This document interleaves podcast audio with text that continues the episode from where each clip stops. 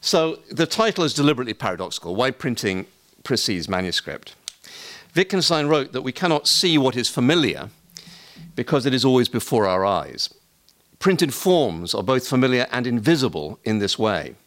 So invisible that we don't usually notice how strikingly innovative they are.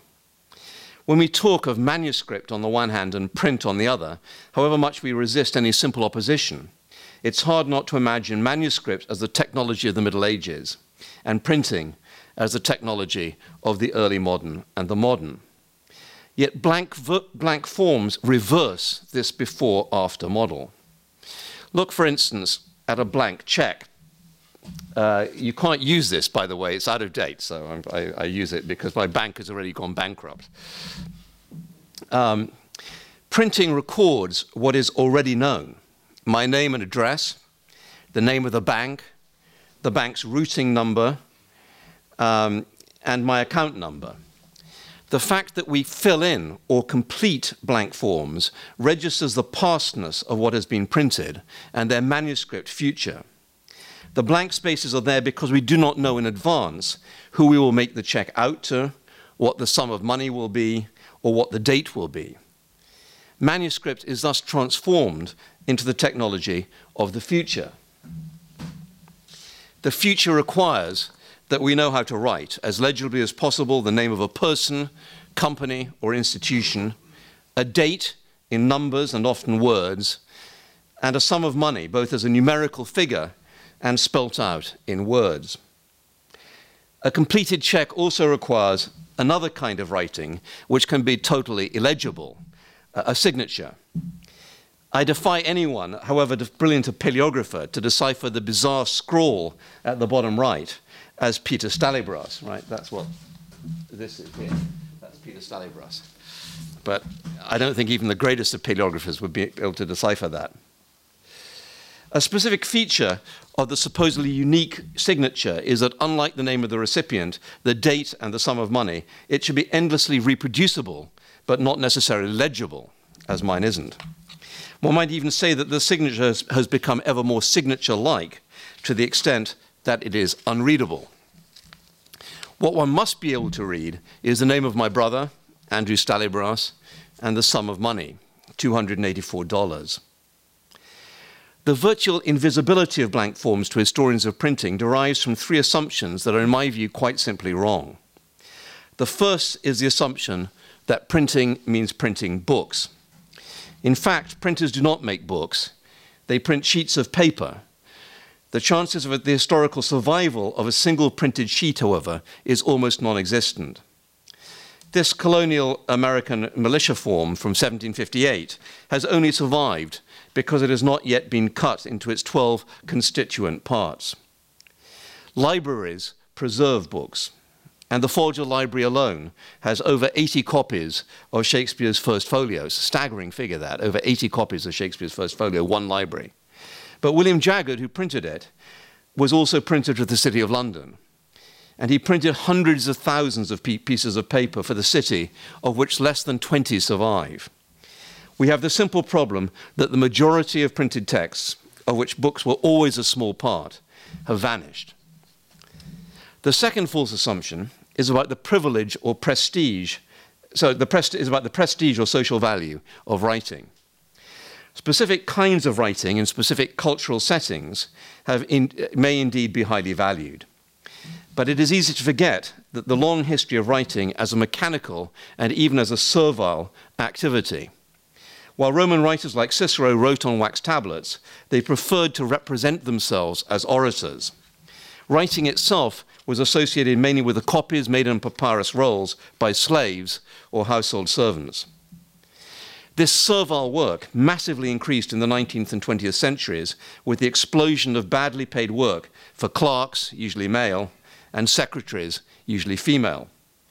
The words typewriter and computer were at first applied to the underpaid women who operated these machines rather than to the machines themselves. In the 1960s, increasing numbers of girls tried to avoid learning how to type and to take down shorthand so as to avoid the badly paid jobs that these socially unvalued accomplishments led to. Donald Trump may write, but he doesn't need to. He can dictate to a secretary. If we need to know how to write, it is because the nation state demands it, not because it is accomplishment in its own right. The third false assumption is that writing and printing are opposed to each other. When we move from our daily activities in which printing and, and, writing constantly interact to teaching courses on printing and manuscript, something very strange occurs. We're suddenly confronted by what look like two totally different and even incompatible technologies. The problem is materialized in a radically innovative but disastrously nostalgic concept the concept of manuscript. Manuscript is, in fact, a belated construct of print culture. The first use that I have found of the Latin manuscriptus dates from 1501, about 50 years after the manufacturing of printed books in Europe. And in all its earliest uses, it is used not as a word, but as an adjectival phrase, manuscriptus, or propria manuscriptum, nearly always modifying codex, hence a book that has been written by hand. The earliest use of manuscriptus as a single word that I've unearthed so far dates from 1529. In English, the first recorded use of the word is from 1597, and that's a century and a half after Gutenberg invented his press. And most of the early definitions of man manuscript explicitly oppose manuscript to print. So it's, a, it's, it's not a, a, a, sort of weird concept. It, it, requires print. You can't write by, no one would say you write by hand when you haven't got printing. You just write, right? So to say write by hand, what else would you be writing with your foot or your mouth or, you know, I mean, people don't say that you're writing by hand in the Middle Ages. You just write. So most of the early definitions of manuscript explicitly oppose manuscript to print written, these, these are definitions from the Oxford English Dictionary, written by hand, not printed, from 1597. A writing of any kind as distinguished from printed matter from 1607.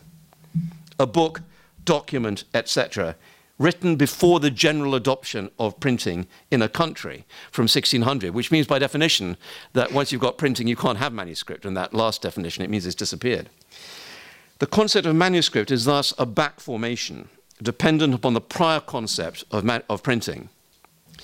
What the concept effaces is the explosion of printed forms designed for completion by hand that were already part of Gutenberg's regular business in the 1450s. In the 20th century, two of the most spe spectacular bestsellers were the printed diary, now losing ground to its many electronic successors, and the printed wall calendar, still alive and kicking. The whole point of such diaries and calendars is to organize and shape manuscript culture. They elicit manuscript, encouraging us to write down future meetings, past events, addresses, and telephone numbers, always subject to the material space provided by the organization of the printed page. And of course, there are the printed forms that regulate our lives.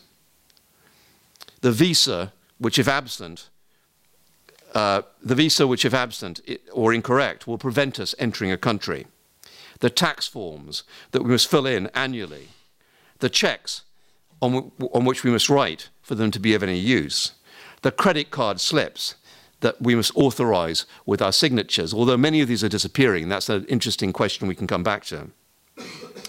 The separation of writing from printing, however, is embedded in the very concept of manuscript. It was, as I said before, an innovative concept that had major material effects.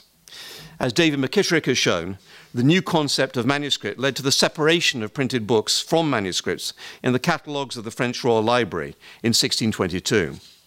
In 1635, the Bodleian Library at Oxford began to separate out manuscripts from printed books. In other words, once you've got the concept, you can start thinking they're not just all books. these are manuscripts, these are printed books and they began to store them at Oxford from that date on separate shelves. More drastically, the concept of manuscript has effectively erased what I, what, what I would argue is the single most important aspect of the printing revolution, namely the incitement to writing by hand. Reading is optional. If you want, you can read your tax forms or your passport. Uh, I myself don't. I just you know, like many people, I learn where to put my, my signs and I get a tax uh, consultant to tell me where to write what I need to write. Um, but you must write whether you want to or not. And there are two things above all that you must be able to write your name and the date. More variable elements include country of origin, place of birth, and home address. And above all, I'd say sums of money in numbers and in words. Signatures, above all, take on a new status. The precondition for printed blanks is the, ability, is the ability of someone to fill them out.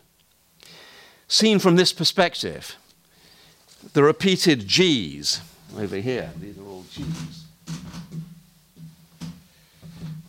In a 1585 printed Bible are the building blocks of the modern individual, the filler out of blank forms. After learning the letters of the alphabet, one can begin to write a name and a date. Over here, by me, William Hudson of Stratford, the second day of 1634, October, sorry, the second day of 1634, October 1634 again. Or here, this is Benjamin Franklin, the famous Benjamin Franklin's uncle, who worked in London. He, Benjamin Franklin was named after him. Um, and underneath, Elizabeth Franklin's book, 1787. James Evans, also in a Bible, this, James, James Evans, his hand and peen for pen, peen, age 55, 1747. Even the beautiful calligraphy at the front of a writing book, Sarah Cole. Her book, Scholar to Elizabeth Bean, Mistress in the Art of Writing, Anno 1685. Name and date, the information that we recorded in passports, visas, and tax forms to this day. The increase in such inscriptions of names and dates in books directly parallels the development of the blank form, the instrument through which, from the 15th century, church and state increasingly attempted to regulate daily life. Europeans first encountered printed blanks in the form of indulgences, published at the expense of the Catholic Church and printed in millions before 1517, when Luther nailed up his 95 Theses attacking them. Wynkyn de Worde's 1498 indulgence for the Hospital of St. James at Compostela has a blank space to fill in the name of the contributor uh, by hand. These unused indulgences, not yet cut up into their two separate forms, were preserved, as most indulgence, such, such indulgences have been, as waste material reused in the binding of a book. To the authorizing seal of the pilgrim's, pilgrim's badge at the bottom left of each form has been added the, the, uh, signature of the papal commissary, Alphonsus de Losa. Seal and signature alike being printed from woodblocks. So this isn't done by hand, it's done from a woodblock. Here, the signature itself has become subject to mechanical reproduction. And even the monarch's signature could be printed in the form of a stamp. Henry VIII's inked signature at the top of a manuscript of the Folger looks as if it was written. In fact, it is Henry's sign manual, a stamp that could be employed by any of his secretaries while he was elsewhere. So that's at the top of the page. A vast number of printed forms were produced from the very beginnings of printing in the West. The first dated text that survives from Gutenberg's press is not a book, but a printed indulgence. Gutenberg stopped work on his great Bible to print 2,000 copies of an indulgence in 1454 to 1555. But Gutenberg's indulgences were only a foretaste of what was to come. As Clive Griffin has shown, so profitable was the printing of indulgences that printers competed fiercely for the patents to print them. In 1500, the Bishop of Cefalù paid for the printing of more than 130,000 indulgences the staggering increase in indulgences required not only printers, but also new kinds of scribes. These scribes no longer needed to know how to copy out the whole of a Latin Bible. Like us, they needed to know how to fill in printed forms with name, date, and place. The sale of indulgences typically depended upon a complex interaction of speech, manuscript, and print. This interaction is depicted in an early 16th century German woodcut. So this is inside a church And this guy here is a, a, a, preacher of indulgences. What happened is one of the reasons that really pissed Luther off is Luther was about to give a sermon. He prepared his sermon, and he was actually displaced in his church by the pardoned preacher. So the guy came from Rome who actually, after Luther prepared his, his, his sermon, took over the church. And when they took over the church, they erected a cross. This is the cross you can see. The papal arms, which are behind and they came with a bull. This is a papal bull here with the seals on it. And here, this guy here, sitting over here, is writing out the indulgences. He's filling in the forms that people are buying as they, as they pay their money.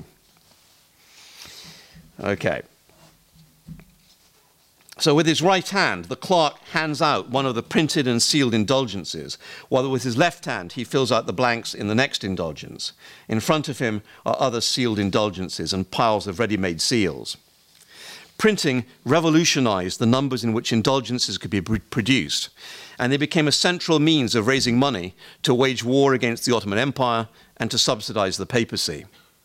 Plenary indulgences could only be conferred by the Pope but partial indulgences were administered by local officials and constituted a system of taxation for subsidizing hospitals, rebuilding churches, mending roads and harbors, and lining the pockets of pardoners and bishops. Indulgences, in other words, were everyday taxation in action.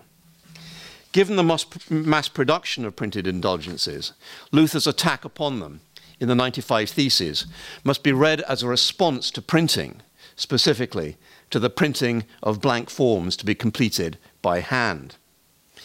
Indulgences, in turn, provided the model for the tax form and for the state census, both of which were combined in a single innovative form by Cardinal Wolsey in 1512 to wage war against the, the, French. So it's the first tax form I know of, rather bizarrely, because England is backward in so many ways uh, in, in 1512. Uh, far more forward looking, of course, is, is Plantin and I came across these today. So these are Christopher Plantin's forms.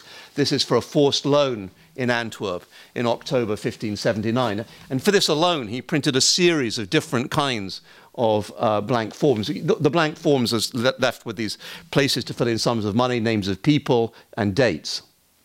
So here's another one. I've blown it up so you can see Antwerp and then, and then date left blank for the date in October. When is it going to be filled in? That has to be filled in by manuscript. All of these are unfilled in, of course. These are ones that uh, were preserved because they weren't filled in. So again, another different form. The type is interesting. This is civilité type. It's a very unusual type, not widely used. And uh, in my view, it's a security device because uh, literally one of the things you're getting is a receipt. You get, amongst other things, if you pay your taxes, you get a receipt for it. And the receipt you could easily forge if you could get access to print, right? If you get access to another typeface. Very few printers actually were using this widely. I'm not saying that it'd be interesting to tra track down how many printers had civilité and used it regularly. So it was also, uh, and here you, um, you can actually see a different one. This isn't in civilité. There's no need for this to be in civilité because there's no reason to forge it. It's just a, it's, it's you have to prove that you're getting a life annuity uh, in Antwerp. And so, uh, you know, it, it's not something that would be, it, it's actually the other way around. This is like being forced to have a passport or something. There's nothing. And here you can see how civilité type functions also as a sign of manuscript. So this is printed. So these, these names of people are printed like signatures. They're actually into. So this is a, a, you know, a, proclamation, and they've been, they've been pre-printed, but they're actually simulating manuscript by using the civilité type. And that down below is from one of the tax forms. And you see the same thing in England. This is a tax form printed in England in 1612. Uh, this is all type. It may not look like it.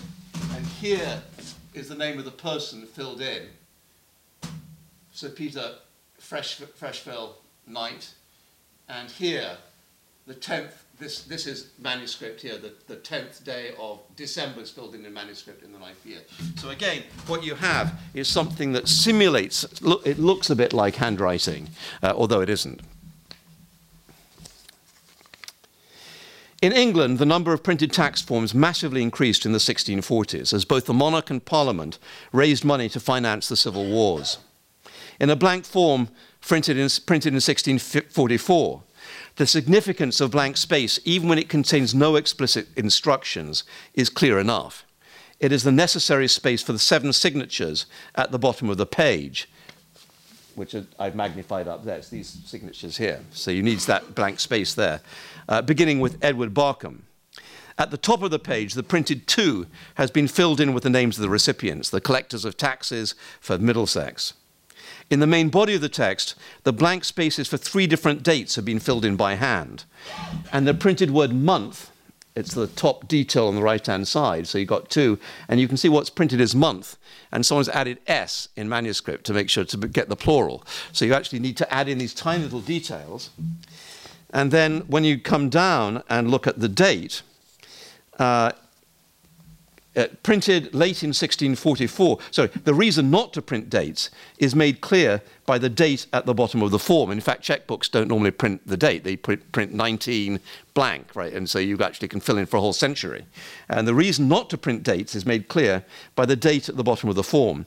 Printed late in 1644, it was unrealistic to believe that the collector's work would be finished by the end of the year. It wasn't. And so after the day, the 19th, and month, May, were filled in. The final four of 1644 was amended by hand to 1655. There. So it's four underneath and been amended by hand. So again, you see that in the most literal sense, manuscript is the art of the future. To repeat, printing is the technology of the past, writing is the technology of the future. Such pieces of paper reorganized daily life in 17th century London. They did so, above all, in the form of printed tickets to be completed by hand. From the 1660s, they were used for an extraordinary variety of purposes. I will look here at just four kinds of tickets tickets for funerals, tickets for burials, uh, I say for, uh, uh, tickets for burials, tickets for the King's Touch, and I'll explain that, and tickets for sailors' pay. In his entry for the 12th of December, 1660, Samuel Pepys noted the first kind of ticket for a burial. While I am now writing, comes one with a ticket to invite me to Captain Blake's funeral. Printed invitations to funerals had been used in the 1640s for dignitaries, but from the 1660s they were used for people of the middling sort as well, like the invitation to accompany the body of Deputy Lenthal. You were desired to accompany the body of Deputy Lenthal from blank, filled in Turner's Hall, London, unto the parish church of St Mary, Acthill, upon Wednesday, the third day of September instant, at four of the clock in the afternoon, and to bring this ticket with you, dated the blank space filled in first day of September, Anno Domini 1679. Following Deputy Lenthal's funeral, in 1679, a second ticket would have been necessary before he could have been buried. This form was to certify that Lenthal's burial conformed to the Act of 1667, which required that dead bodies be wrapped in wool and not in linen. Despite the fact that every burial in England required such a, ticket, the earliest surviving one that I know of dates from 1704. William Bethel that, so again, you can see this mixture. This is a, an engraved form, so therefore more expensive than a, a, a, mere printed form would be. William Bethel maketh oath that the body of Anne Stone of the parish uh, of St Sepulchre, London, which was buried at Edgware in the county of Middlesex, was not wrapped in anything but what was made of sheep's wool only, July the 22nd, 1704. Jurat coram me, meaning sworn before me, Thomas Richards, minister. Anne, Anne Stone's uh, this, this, this form is a rare example of the burial forms that were used to promote the wool trade and at the same time to benefit what the Act itself called the paper manufacturers of the kingdom. By using wool for burial shrouds, linen and cotton sheets were protected as the necessary material for the production of rag paper. So rags are made out of linen and, and cotton. So that's the idea of this whole act, is to actually keep the cotton, on the one hand to benefit the wool industry, and on the other hand to have the rags that you can use from paper making. So it's also an attempt to boost the paper making industry in England that was very backward. The piece of paper on which the form is itself printed was thus imagined as one of the outcomes of an act aimed at turning cotton and linen into rags for papermaking rather than into burial shrouds. If printed forms to accompany burials were an innovation, so too were the third kind of printed ticket that I shall discuss the printed tickets for the estimated 90,000 people who came to London to be cured by the royal touch, reaffirming the monarch's magical power to cure scrofula. So the royal touch goes back into the Middle Ages. It's a, a, a well-known. Uh, and what happens? You've executed Charles I in 1649. So Charles II massively tries to reas reassume his magical powers by emphasizing the power of the monarch to actually cure, to cure scrofula by the royal touch. So the royal touch comes back with a vengeance uh, after the Restoration.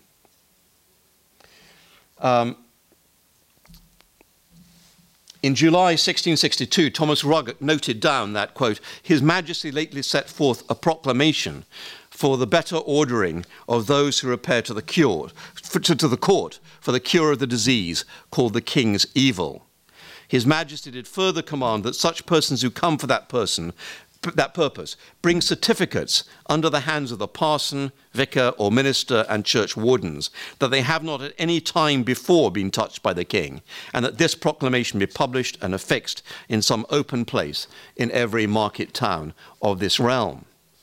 The order that made it compulsory to present a printed ticket before receiving the royal touch required two different forms of job printing. First, the proclamation itself in the form of a broadside to be affixed in some pla open place in every market town of this realm.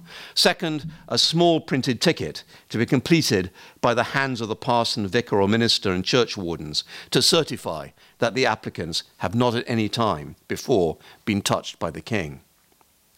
In an interleaved almanac, another form of printed blank. Uh, printers, I should explain this. Printers call these things blanks regardless they're mainly printed. If they've got any blank space in them, they're called by printers blanks. So anything that has blank space left to be filled in by hand is called by printers a blank.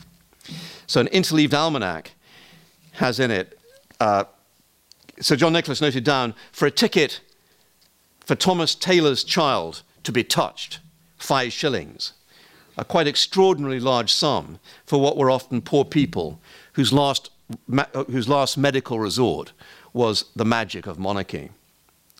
In 1664, John Evelyn recorded in his diary that, quote, there was such a great concourse of people with their children to be touched for the evil that six or seven were crushed to death by pressing at the surgeon's door for tickets. The power of access that printed tickets gave to an imagined curative power made them worth dying for. The fourth, the fourth and last tickets that I will mention are the tickets used in lieu of payment to sailors. These tickets were the subject of by far the longest speech that Samuel Pepys ever gave. The speech was made to a committee of the Commons, the House of Commons, on the 5th of March 1668, and it lasted for three hours. It concerned the restoration innovation of paying sailors not with money, but with printed tickets, which could theoretically be redeemed at the Navy office for their face value. It was, in fact, a government scam. Uh, what they did was they kept the sailors at sea. They literally didn't bring the, the, the, the ships in.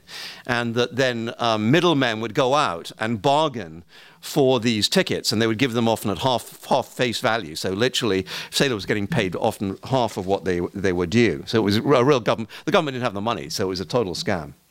By 1662, the ticket system was fully in place, and Pepys increasingly records going to the ticket office, where he, where he worked, it was called the ticket office, uh, where he worked. Signing printed tickets by hand became a substantial part of Samuel Pepys's job. On November the 12th, 1666, Pepys writes, lay long in bed, which is very unusual for Pepys. He virtually never, never lay long in bed. Lay long in bed and then up. And Master Carcasse brought me near 500 tickets to sign, which I did. Despite the numbers of such tickets that Pepys signed on a daily basis, I have not yet seen a single surviving copy. So again, what we're talking about is a massive loss rate of printing. If we had this printing, we'd have to redo the history of printing completely. All these books that surround us are a tiny, tiny example of what was being print printed. From indulgences to tax forms to tickets to legal bonds to bills of lading to money to wills, printed forms with blank spaces to be filled in by hand reorganized the business of the church, politics, law, trading, and daily life. One of the most important of all such blanks, as printers called them, were blank almanacs. which interleaved a printed calendar and other selected texts with blank sheets of paper on which the purchaser could record his or her everyday transactions. These blank almanacs were first printed in London. I'm not saying they're first printed, you know, I'm sure they were printed in the Low Countries. London was, England was backwards with everything at this period. So this is a printed blank, as they were called. This is the calendar here, and this is the printed, you can see it's printed January, and there's just one entry in it. Um, so this, this is the first one I know of in England, printed in 1567. But they became increasingly common in the 17th century. So here's a typical 17th century one with a very useful calendar, because I say it's got the calendar, uh, the English calendar on the left hand margin and the continental calendar in the right. So for a merchant, it's very useful to be able to compare these dates, because the calendars were, of course, different at this point. Um, in 1664, uh, oh, sorry, I've, I've, skipped a bit. By the 1660s, blank almanacs, blank almanacs with, with blank paper had become the norm. That is to say, more almanacs were sold with blank pages to be completed by hand than were sold without such blank pages. In 1664, the assumption of the Stationers' Company was that more people would want to fill in their printed almanacs by hand than would merely want to read them. Blank almanacs, like the blank forms with which I began, were part of one of the revolutionary implications of printing the incitement to write by hand. Far from being opposed or even complementary, there's been lots of work done recently on the complementary aspects of printing and manuscript. They're not even complementary. Printing has played an ever increasing role in demanding that we know how to write. In other words, the Middle Ages, very few people write. It's printing that actually elicits a, massive proportion of people, uh, by now, you know, a, a, vast percentage of people who have to know how to, to, to, to write by hand just for their daily life. My own view is that the keeping of diaries in the 17th century had far less to do with Puritan heart searching or with any other ideological force than with the material production of printed almanacs bound with blank leaves. It was in these blank leaves that the great majority of diarists made their first tentative steps to record their daily lives. Before beginning his diary in a blank notebook in 1660, so John Evelyn is one of the great diarists of, of, of England in the, in, the, in the 17th century, but he doesn't begin by writing in blank notebooks. What he did to begin with, uh, he returned in 1660 to the printed almanacs in which he had first taken down notes from the age of 10 or 11. In his blank almanac for 1637, for instance, and this is it, so it survives. Evelyn wrote at the time, so he actually wrote in 1637, I came down in the country from Oxford with my tutor, my brother, went to the Inns of Court. Sometime just before he began to write what we now call his diary, he crossed out that entry and wrote below it, My brother George Evelyn went to Trinity College, Ox- Oxfordshire, uh, to Wotton, and there we were both entered in the Middle Temple, but I remained at Oxford. It was these new entries that he then further expanded when he wrote up the earlier years of his life. But the freestanding diary was simply an expansion of the practice that Evelyn first began in a printed almanac that had been bound up with blank paper. And Evelyn himself gave the clearest account of the importance of blank almanacs to his own formation. Um, when he notes that in 1631, quote, in imitation of what I had seen my father do, I began to observe matters more punctually, which I did set down in a blank almanac. A crucial feature of all blank almanacs, whether, oh, sorry, a crucial feature of all blank forms, whether tax returns or interleaved almanacs, is that they both elicit writing by hand and constrain it within a pre-organized space. The potential rigors of that constraint are most readily apparent in the millions of field service postcards that were sent by soldiers from the front lines during the First World War. On the 14th of August 1916, Eric Leighton addressed one such card to his brother Cyril. The postcard, which is British Army Form A2042, offered the sender a list of statements to be left standing as printed or to be deleted by hand. This field service postcard is Eric Leighton's last surviving writing, uh, so his archive survives in a box. But it is highly, it's a highly paradoxical piece of writing, beginning with the printed instructions. Nothing is to be written on this side except the date and signature of the sender. Sentences not required may be erased. If anything, uh, it, uh, sorry, I've lost my place. If anything else is added to the post, if anything else is added, the postcard will be destroyed. Right? So, in other words, if you start writing freely, the postcard will be destroyed. What Eric, Eric has actually written is composed mainly by crossing out most of the printed statements. I have been admitted into hospital, crossed out. He hasn't been admitted into hospital. I am being sent down to the base, crossed out. He is not being sent down to the base. I have received no letter from you lately for a long time, crossed out. He has received letters. He leaves the remaining sentences which do apply to him uncrossed out. I am quite well. I have received your letter dated. Dot, dot, dot. Letter follows at the first opportunity. And finally, he fills in by hand four blank spaces two dates, that of the last letter he received, and that of the, uh, and that of the card he has just completed. And then he adds his signature next to the printed signature only, and on the other side of the card, he adds his brother's name and address.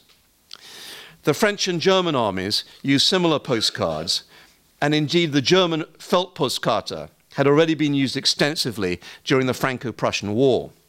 In the six months from July to December 1870, 10 million of these German postcards were posted. As I said at the beginning of my talk this evening, we need to rewrite the history of the book to just to see just how marginal books are compared to all the other printed forms of printed texts. In 1907, the first English census of production noted that only 14% of printed sheets of paper were used to make sheets. 14% are used for books. All the rest is for other things. 86% of printed sheets were not for books, but for newspapers, government forms, paper money, letterhead stationery, cornflakes packets, jam jar labels, postcards, and a million and other small jobs. I want to conclude this evening with some of the small pieces of printing that I came across recently at the University of Iowa, relating to one of the most tra- traumatic events of my teenage life. On November the 23rd, 1963, Rock Island Railroad issued a blank form ordering that, quote, all trains and engines will come to complete stop between 11 a.m. and 11.01 a.m. The order, number 316, was forwarded to Carlsberg Station in Iowa on November the 25th using another blank form. So that's just one blank form. Another blank form that has been carefully filled in, although the information is only, there, only that there is such an order as number 316. So all this does is to assert that there is such an order as number 316. The reason why all trains would be brought to a halt for a minute on a particular day in 1963 is given in the earlier form. Blank forms are here the means by which trains in Iowa would, would, Iowa would be brought to a stop on November the 25th, in memoriam uh, to our late president, commemorating the assassinated John Kennedy. The day before Carlsberg received the order to stop the trains, Kennedy's assassin, Lee Harvey Oswald, was himself assassinated by Jack Ruby. Three years later, Jack Ruby died of pulmonary embolism in Parkland Hospital, the same hospital where Oswald had died and where Kennedy was pronounced dead. The toe tag that identified Ruby's body, which is itself a blank form, is preserved in the University of Iowa Library. It is a blank form, this one on the left, with the name of Dr. Eugene Frenkel, who pronounced Ruby dead, the date, January the 3rd, 1967, the time, 10.30 a.m., the service, Med W2, and the signature of the nurse, Christine E. Berger, who filled in the blank form. Typed in upside down is the name Ruby, Jack, and other information. In a different color of ink, Ruby's address has also been filled in by hand. Isolation, meaning he was in the isolation ward. After the autopsy, Further, tiny blanks would be filled in by hand on the medical slides that contain slices of Ruby's brain. So that's a bit of Ruby's brain on the right hand side with another blank form uh, uh, glued onto it. Removed from isolation at his death, Ruby's corpse, corpse was dissected and pieces of his brain were preserved on slides that were carefully numbered by the Dallas, Dallas Medical Examiner's Office, M677. Finally, through a process of which I have no knowledge, Ruby's toe tag and bodily remains were discarded or sold off, even as the city of Dallas retained his death certificate for their records. So this is his death certificate. Kennedy's assassination, a moment of traumatic history, is materialized through tens of thousands of blank forms, recording heartbeats and brain scans, requisitions for drugs and food, daily hospital rounds and police reports, checks for medical bills and orders from the railways, invitations to a funeral and funeral bills, academic surveys, and body parts. In the last 10 years, there has been an extraordinary increase in manuscript studies but there has been much less attention given to the proliferation of the printing for manuscript that provided new tools for business and state. And yet, when I read Sarah Cole's signature, I know how much more complicated the story is than the one that I have told here. For in her hand, one can imagine all the future hands that will write diaries, make shopping lists, take down recipes, compose a vindication of the rights of women, or even constitute a new state. Half an hour before landing in the United States, the flight attendants issue all passengers with printed customs declaration forms. This is followed by the usual scramble to find a working pen, to recall what the flight number is, to retrieve your passport so as to fill in its number and the place where issued, to recall whether or not you've been in or near a farm, to remember that you've forgotten to buy all those gifts for your friends that you now, now, now, now won't need to declare. And finally, anxious and exhausted, to put your seat in the upright position, make, make sure that your seatbelt is securely fastened, and prepare for landing. Among the many things that a flight to the US may be, it is an exercise in compulsory literacy. The nation state demands that you write or humiliatingly find someone who will fill in the form for you printed blank forms, first produced in the middle of the 15th century, do not require us to read. They demand that we participate in the revolutionary transformation of writing by hand. They are where we live, move, and have our being. Thank you.